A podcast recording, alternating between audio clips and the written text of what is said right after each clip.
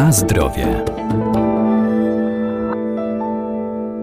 Co kryje w sobie żywność, którą spożywamy, tego dowiemy się ze składu danego produktu, który musi być zamieszczony na etykiecie, a to dla nas cenne źródło informacji. Bardzo istotne są także daty przydatności do spożycia, czy też minimalnej trwałości.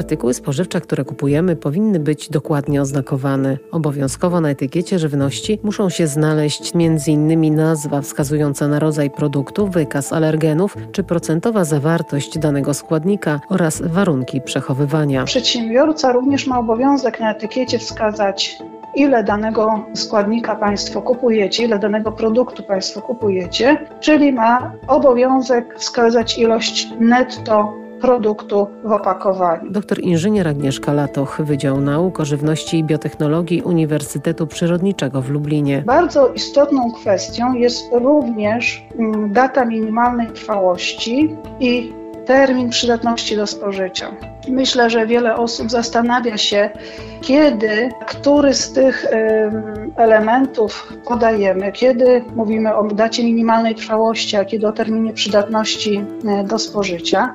Więc proszę Państwa, data minimalnej trwałości oznacza datę, w której środek spożywczy zachowuje swoje szczególne właściwości pod warunkiem właściwego przechowywania tego środka spożywczego. Natomiast w przypadku, gdy żywność bardzo szybko się psuje, bądź też po krótkim czasie może stanowić bezpośrednie zagrożenie dla zdrowia ludzkiego, przedsiębiorca ma obowiązek podania termin przydatności do spożycia. I to jest ta podstawowa, główna różnica.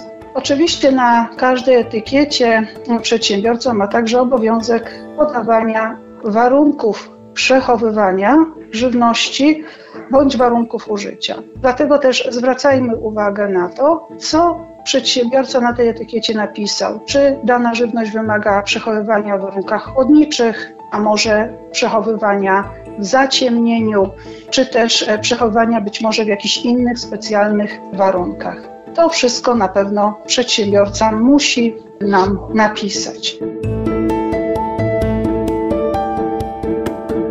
Na zdrowie. Niektóre produkty spożywcze nie muszą posiadać daty ważności lub też zawierają jej skróconą wersję. Czasami zastanawiamy się, dlaczego na jednych opakowaniach jest e, napisana cała data, czyli jest dzień, miesiąc i rok.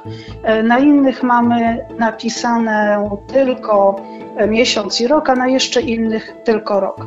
Więc proszę Państwa, ustawodawca w rozporządzeniu 1169 z 2011 roku podał, że jeżeli środek spożywczy ma trwałość nieprzekraczającą trzech miesięcy, to wówczas podaje się dzień i miesiąc.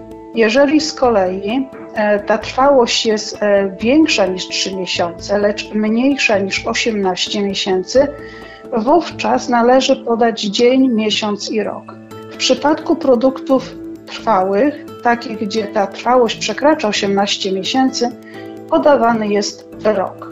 Są jeszcze także produkty, które nie mają w ogóle podanej daty minimalnej trwałości czy daty przydatności do spożycia.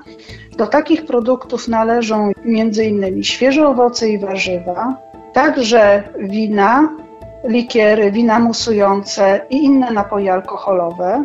Także napoje alkoholowe, które zawierają więcej niż 10% objętościowo alkoholu. Wyroby piekarnicze, których z kolei trwałość jest dosyć krótka, czyli należy je spożyć w ciągu 24 godzin. One również nie będą miały podanej daty przydatności do spożycia czy daty minimalnej trwałości. Także w przypadku octu, soli kuchennej, cukru w stanie stałym, wyrobów cukierniczych y, czy też gum do rzucia, tam w, ty, w przypadku tych produktów nie jest podawana e, data minimalnej e, trwałości.